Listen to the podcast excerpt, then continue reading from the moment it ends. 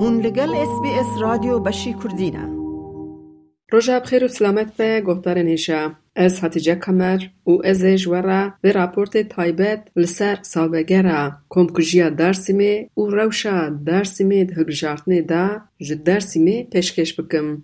چار گلان روژا بیرانینا کمکوژیا درسیمه سال 1937 دولتا ترکیه د اپراسیون لشکری این که دو ناو دو سالان دا دوام کر جه سیزده هزاری زیدتر کردن علوی لدرسیمه کشت. یازده هزاران جی سرگون کر لگور شبکانین دیروکی چمی منظوره که دناو باجار درسیمه دا دهرکه بروژان خوین هرکیه. د اپراسیونا که بفروکین بومبه بران جی هاتیه کرن همی چیا گلی شکفت هاتنه بومبه کرن. اش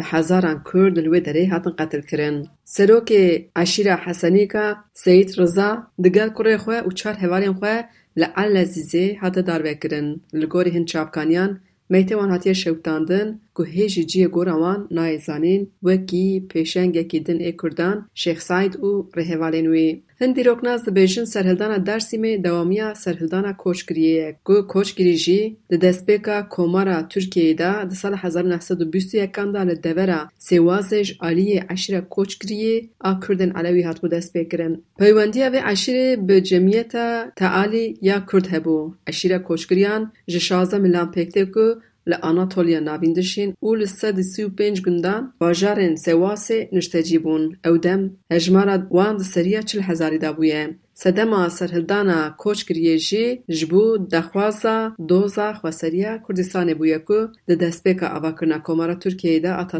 سوزان دابو سروک او ریبرن کردان ده سال هزار نساد و بیستان دا بپیشنگیا نوری بایتر او سروکن عشیران جبو کردسان اک اوکرنا کومارا ترکیه بو سرهلدان به ایریشا ارتشا کمازن تک چو دگل نوریه بایتار گلک پیشنگین وی سر هلدان رویان دورا درسی می نوا سید رضا او دولت خراب به جبر کو بریاوی سید رضا پیشی اسکر روس کرد بو جبوی وی جی جالی دولتا ترکی هات بو کرن ده سردم اثمانیان دا دورا درسی می گلک چاران هن عشیر سری هلدانه لگوری لی کولین مبوسن مبوسین ترکیه ترکی لدورا درسی نو تو یک عشیر هبونه Dewletê jî nikaribiye ji ber erdnigariya asê çiya bi wan serî derkeve. İsmet İnönüyê دەستەبراکی ئاتاتورک. د سال 1950 دا سەفرێک تایبەت دکە لە سەر باژارە کوردان و چاپدەریین خوێ بە راپۆرێک پێشکەشت کە ناوی راپۆرە خوێ دانیە چاپدەریین سەفرا شەرقی بە باوەریە ئیسمەت پاشا دەولەتا فرانسا کو ئەو دەم لە سوریە دەسلات بوو لە هەمبەر کۆمەرە تورکیە کوردان چەکدار کریە. پشتی وی جلال بایار جی راپۆرێک ئامادە کریە. ئەو جدە سەبراکی ئاتاتورک بووە. هەروسە ئەو چا سەرۆک وەزیر بوو. لهمبر کومارا ترکی ویج گوتی کو اشیرین کوردان د نو هولدان کی دانه جلال بایر گوتی دولت له بازار شرقی نه د اسلاته لسرا پورا جلال بایر جی به دولت قیم بکن قاشو هرې به پیش بخن بریاره یاره کا اپریشن کا بر فرهتان سید رضا او سروق دن نیت دولت هایدار بون اول همبر وان نرازبی نوخه نشاندن. جبو که لشکر نگیجه گلک پران شوتاندن. اول همبر لشکران çek hilgirtin. Lê di dema komkujiya Ermeniyan da devera Dêrsimê ji bo Ermeniyan jî Ermeniyên ku ji qetlîamê reviya bûn bibû sitar û ji wir derbasê Rûsyayê bibûn.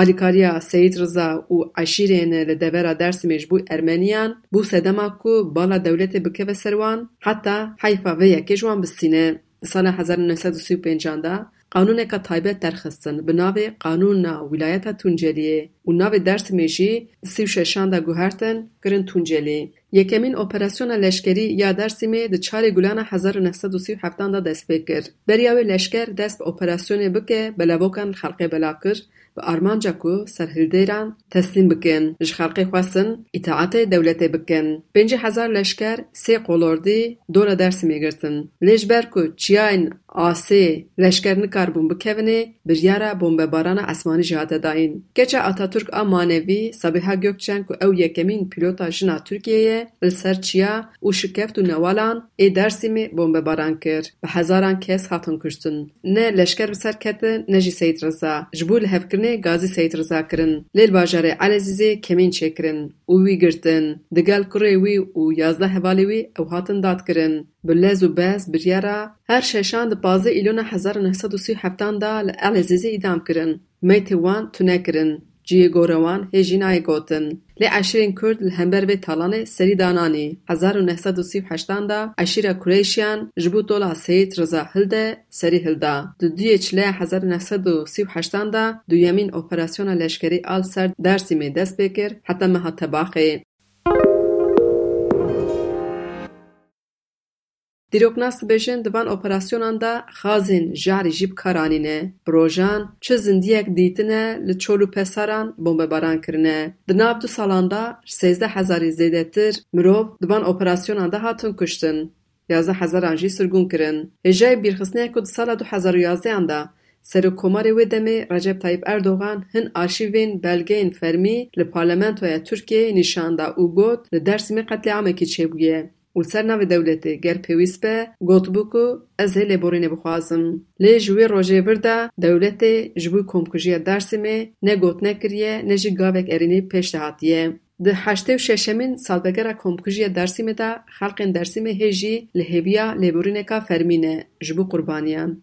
هر واد خوازن دولت بسوجی خواه رو قلب به و جی گورا سید رزاجی اشکره بکه. مش کمکجی درس می دست بکر لیم دخوازن ل دبیر درسی دوام بکن تایبت بحثا اتمسفر هلبرجارت نبکن و کی کوتیزانی حتی یک شنده هلبرجارت ناصر و کماری او پارلمان توی ترکیه در و چه به همه جهان ال ترکیه ل همبر سر و کمار ترکیه رجب تایب اردوغان سی نویندن نامزدی خودانی نه یک جوان سر و که پارتی گلیا کماری جهپ کمال کلش در اقلیه اوج کردک علویه جبهجر درسی می جعشیره کریشیانه ابنمالجی پیرن آنگو اوجاخن Kureyşiyan e û Demokrasiyê ku Partiya Çepa Kesk di nav da ye, piştgiriya xwe ji bo Kiliçdaroglu ragihand. Ew ê di hilbijartinê de dengê xwe bidin Kiliçdaroglu. Ev partî ji Kurdan xwest ku ji bo serokkomariyê jî dengê xwe bidin Kemal Kiliçdaroglu. Li bajarê Kemal Kiliçdaroglu li Dêrsimê kêfxweşiyek heye ku hemşeriyê wan bûye namzet û xelkê bajêr hêviya xwe gelek pêvek girêdanek ku dibêjin di nav namzedan de tenê ew dikare ziyana desthilatiya AKP ku çêkiriye derman bike. Heştê û heşt sal berê navê bajêr guhertin kirin Tuncelî lê ev nav hêjî ser xelkê bajêr û neniştiyê xwe wekî Dêrsimî binav dikin. Ji bo ku navê Tunceliyê di bîra wan de destpêka rojên reş ê komkujiya Dêrsimê ye. Ji xwe ew ji bo komkujiya Dêrsimê peyva terteleyê bikartînin.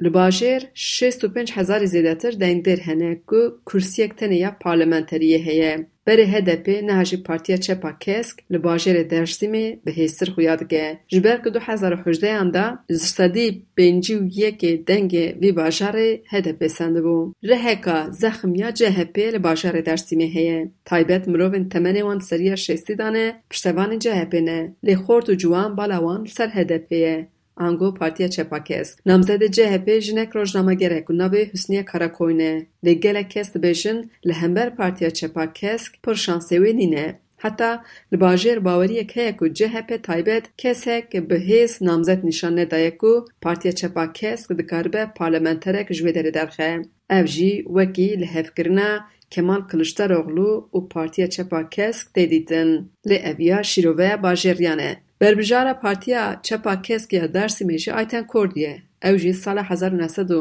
nod û sisiyan vir da di nav siyaseta Kurdan da taybet di tevgera jinan de cî digire. Li ser jinan jî gelek xebatan kiriye. Ji bajarê Erzincanê ye û du hezar û de di dema şaredariya ku Nurhayat Altun şaredar bû li ser xebatên jinan weka pispor ew jî li şaredariyê dest kar kiriye. Lê piştî ku qayyûm dan ser şaredariyê Nurhayat Altun hate girtin, Ayten Kurd jî ji kar hate derxistin.